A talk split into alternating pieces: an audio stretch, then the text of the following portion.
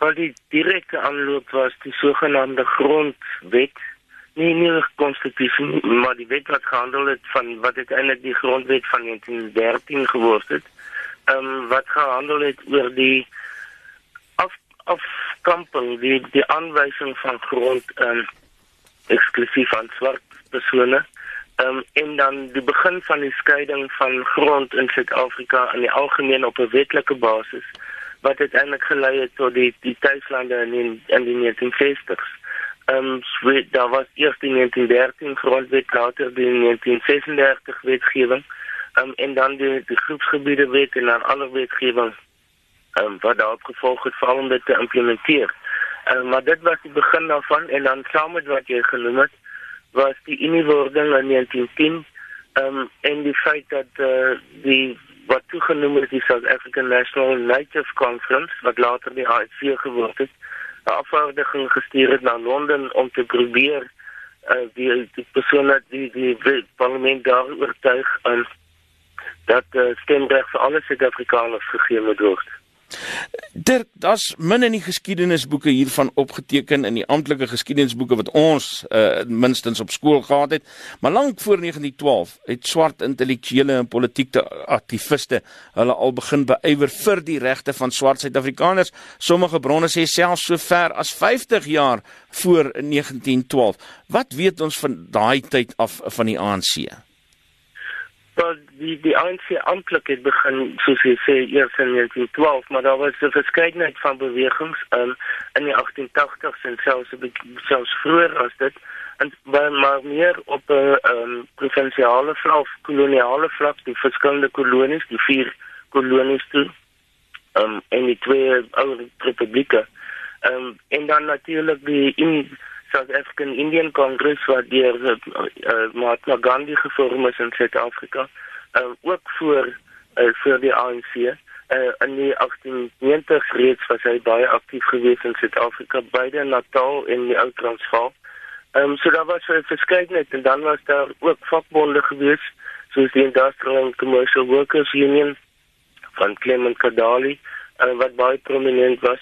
So daar was daar was bewegings geweest. Uh, daar was die African People's Organization van Dr. Abdurrahman hoofsaaklik in die Kaap in die, in die 1890s.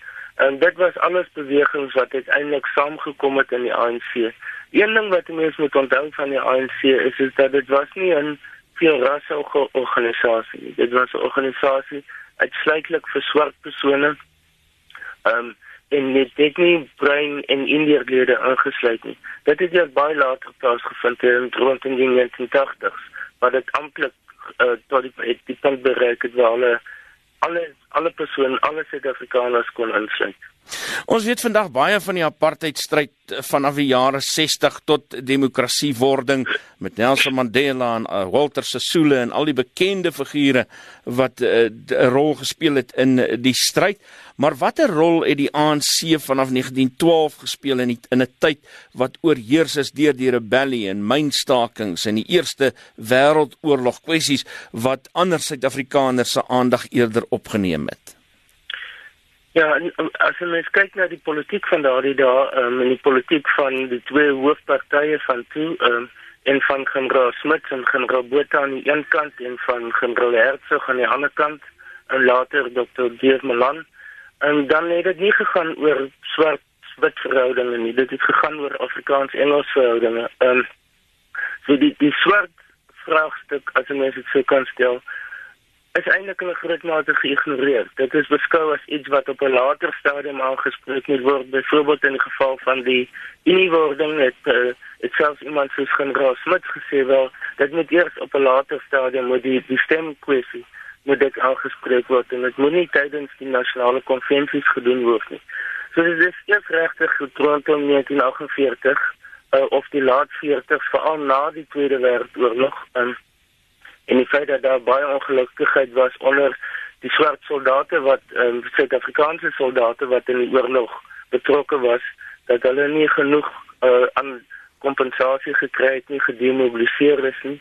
Ehm um, saam met die aspekte van generaal uh, Herzog wat begin het om die wat later ehm um, die apartheid idee se word om dit te begin mobiliseer. Ehm um, en so dit was op 'n laat stadium waar die ANC meer prominent begin word. In 1942 byvoorbeeld het eh, 'n uh, groep mense nie die ANC self nie maar 'n groep binne die ANC, die so ehm um, die sogenaamde African Charter uh of die African Claims eintlik het hulle tot uh uitgereik wat gebaseer was op die Atlantic Charter wat deel was van die post of die die laat oorlogse ehm um, dokumente wat na vore gekom het oor 'n post-oorlog wêreld uh, omgewing. Um, en die ANC wou hulle probeer deel maak daarvan. Maar dit het dit het baie min aandag getrek. In 1943 het die die ANC jeugliga tot stand gekom en dan in 1949 die baie belangrike program of action wat die die ou stel van die ANC wat meer daarop ingestel was op petisies op te stel om afvaardigings te stuur na die regering om te probeer om dialoog ehm um, hulle doelwitte te bereik en dat dit verander het ehm um, na 'n baie meer radikale benadering en mense soos president Mandela wat as Sulu die die generasie wat ons later baie goed leer ken het hulle was almal deel van daardie eh, radikalisering binne die ANC en en van die jeugliga leierskap. So dit dit is waar die werklike verandering binne die ANC begin plaasvind het. 80 jaar later na die stigting van die ANC het oud-president Nelson Mandela by by gedenkbyeenkomste in 1994 uh, vir John Dube, die eerste ANC president gesê mission accomplished Mr President. Ehm um, is dit so tot watter mate het die ANC daarin geslaag om getrou te bly aan die doel wat hulle oorspronklik vir hulle self gestel het? Maar die, die oorspronklike doel was meer die van menseregte, van konstitusionele regte, van politieke regte. Um, en dit natuurlik rondom 1994 het plaasgevind. Um, ek dink die die volgende fase en dit is waar die ANC en die SHKP en hulle alliansie vanaf die 1960s baie klem op geleë het is die sosio-ekonomiese transformasie. Um, nou as almal weet dit is dis die moeilikste, dis die grootste taak wat daar bestaan en dis die waar daar waarskynlik die heel wat minder vordering gemaak is um, in terme van ekonomiese ontwikkeling in terme van dat 'n baie groter deel van die swart gedeelte van die bevolking aktief by die ekonomie betrokke kan wees. Is die politieke party in wese nog dieselfde as die bevrydingsbeweging of moet mense nou anders oor die ANC dink? Nee, die ANC is heeltemal 'n ander tipe groepering nou. Hulle funksioneer soos 'n politieke party. Uh, ons op die oomblik sien ons byvoorbeeld die proses van nominasies wat plaasvind. Ehm um, en die oorspronklike ANC was daar nie so iets gewees nie. Ehm um, hulle het nie politiek uh, takke gehad nie. Hulle was 'n ondergrondse beweging wat hoofsaaklik in geheimhouding gefunksioneer. 'n Klein groepering in Lusaka het die meeste besluite geneem. Hulle het saam maar saam daarmee die gewapende stryd gehad en kontribusies weer dit bestaan nie meer nie. De, dit wat ons sien by geleenthede is nie die werklike kontribusies vir meer nie. Ehm um, wat nog bestaan is 'n hinkering na die na die historiese nalatenskap van daardie periode as iets wat gebruik word en waarskynlik nou weer prominent gebruik geword gaan word um, in die verkiesings om daardie geskiedenis weer lewendig te maak om te sê ons is steeds die bevrydingsbeweging van Suid-Afrika. Maar in wese is dit die feit dat hulle 'n politieke party is, dat hulle die regerende party is, dit beteken dat hulle en dat hulle funksioneer soos 'n politieke party met takke, met besluitnemingsprosesse ensovoorts.